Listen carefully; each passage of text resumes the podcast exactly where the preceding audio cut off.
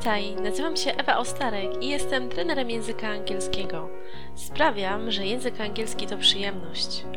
Słuchasz podcastu Więcej niż język angielski, który został stworzony dla kobiet takich jak ty, które chcą odkryć i pogłębić w sobie pasję do języka angielskiego.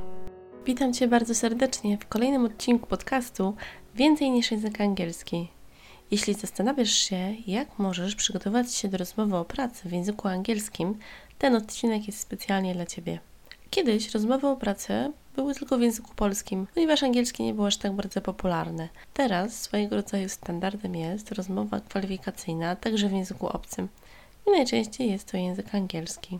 Jeżeli Twoje umiejętności związane z językiem angielskim nie są na aż tak zaawansowanym poziomie, pewnie zastanawiasz się, co możesz zrobić dla swojego języka angielskiego, żeby wypaść jeszcze lepiej i jakie sposoby zastosować, żeby faktycznie czuć się pewnie językowo w takiej, przyznajmy się, stresowej sytuacji. Po przeprowadzeniu dużej ilości sesji językowych, którym tematem było właśnie przygotowanie do pracy, przygotowałam dla Ciebie taką oto listę najważniejszych moim zdaniem porad, które mogę Ci podpowiedzieć, żeby przygotowanie do rozmowy o pracę oraz sam job interview poszedł Ci o wiele lepiej niż zwykle. Zaczynamy. Pierwsza najważniejsza rzecz to mów na głos. Jeżeli przygotowujesz się do rozmowy o pracę, wszystko to, co się dzieje w Twoim języku angielskim, mów na głos. Często jest tak, że mówisz sobie pewne rzeczy w myślach i to brzmi świetnie, fantastycznie. Wydaje Ci się, że naprawdę bardzo dobrze dajesz sobie z tym radę, a potem, gdy przychodzi co do czego, może dojść do tego element taki stresowy i już może to wyglądać zupełnie inaczej. Szczególnie jeżeli jeszcze mówimy o mówieniu na głos. Nie wiem, czy jesteś przyzwyczajona do swojego tonu głosu do wibracji swojego głosu, do tego, jak Twój głos brzmi w wersji nagranej. Dlatego najlepszym rozwiązaniem będzie po prostu mówienie wszystkiego na głos. Po drugie, korzystaj ze słów synonimów. Często jest tak, że pytania są zadawane w sposób używania synonimów, czyli na przykład What's your greatest strength? To pytanie może być też zadane What are your advantages? Żeby przygotować się do odpowiedzi na takie pytania, możesz też korzystać z różnego rodzaju synonimów, jak na przykład to handle, to cope with, to deal with. To są synonimy, znaczą dokładnie to samo, ale wprowadzają już pewnego rodzaju bogactwo językowe i to, że faktycznie znasz się na języku angielskim coraz bardziej. Tak samo, jeżeli mówimy o odpowiedzi, jeżeli mówimy o linking words, czyli takie słowa łączniki, które pomagają Ci pomiędzy jedną wypowiedzią a drugą, tak jak na przykład first of all, to sum up, to conclude, what's more, moreover. One bardzo pomagają, jeżeli chcesz pokazać swoją pewność językową i to, jaki rodzaj słownictwa opanowałaś i jak dobrze się z tym czujesz. Kolejna kwestia to lista pytań. Bardzo dobrze byłoby, gdybyś przygotowała sobie takie frequently asked questions, czyli listę pytań, która jest najczęściej zadawana. Takie pytania są bardzo proste do znalezienia, wystarczy wyszukać je poprzez Google. Pytania takie, w zależności od dziedziny, którą się zajmujesz, mogą być różne, ale istnieje pewien taki standard pytań, które mogą paść na rozmowie o pracy, tak zwanych pytań generalnych.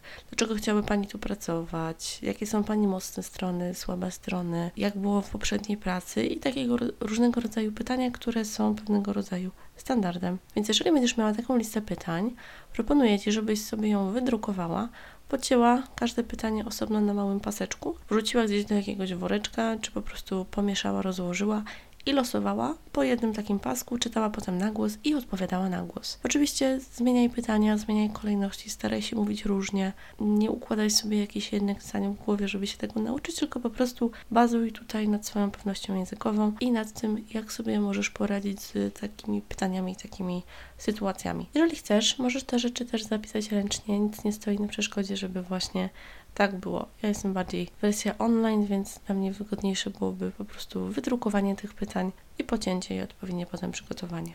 Następna kwestia to intonacja.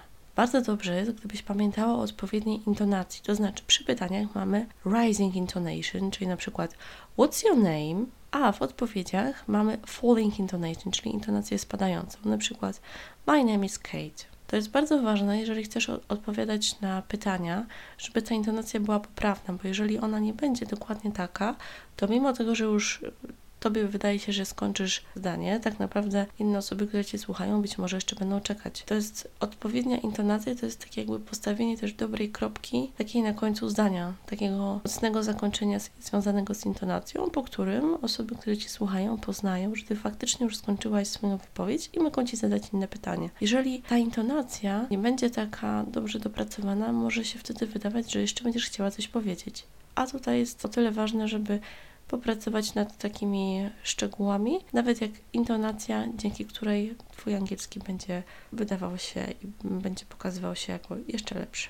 Kolejna kwestia, która jest związana z przygotowaniem do rozmowy o pracę, to przerywniki. Przynajmniej ja je tak nazwałam. Mam tutaj na myśli takie słowa i frazy, których możesz używać, jeżeli nie wiesz co powiedzieć, jeżeli zbierasz myśli. Zamiast milczeć, żeby osoby, które z tobą są podczas tego job interview nie myślały, że po prostu skończyłaś albo nie wiesz co powiedzieć. Możesz po prostu zaznaczyć Let me think for a moment.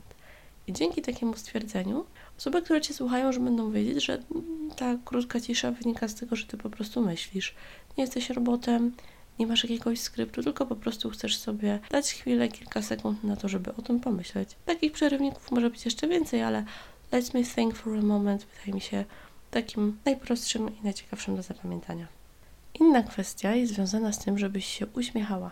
Uśmiech to najkrótsza droga do drugiego człowieka, coś w tym jest, szczególnie jeżeli mówimy o takiej sytuacji stresującej.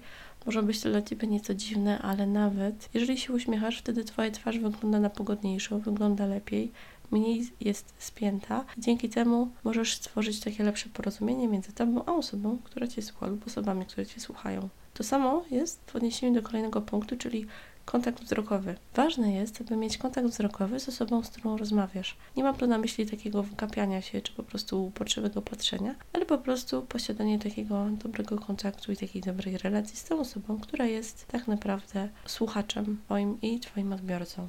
Jeżeli jest tych osób więcej, możesz po prostu przenosić ten kontakt wzrokowy. Jest z jednej osoby na kolejną, ale tak powoli, po prostu tak jakby to była naturalna rozmowa. Wspominam o tym, bo w takiej sytuacji stresowej czasem jest tak, że możesz chcieć patrzeć na swoją bluzkę, na kolana, może gdzieś tam na to, co jest za oknem, w jakiejś oddali. Chodzi o to, żeby tutaj to wszystko było bardziej normalne i naturalne. A na dzisiaj bardzo Ci dziękuję. Miło mi było, że spędziłaś ze mną ten czas w tym odcinku podcastu więcej niż język angielski i do usłyszenia następnym razem. Trzymaj się ciepło. Cześć!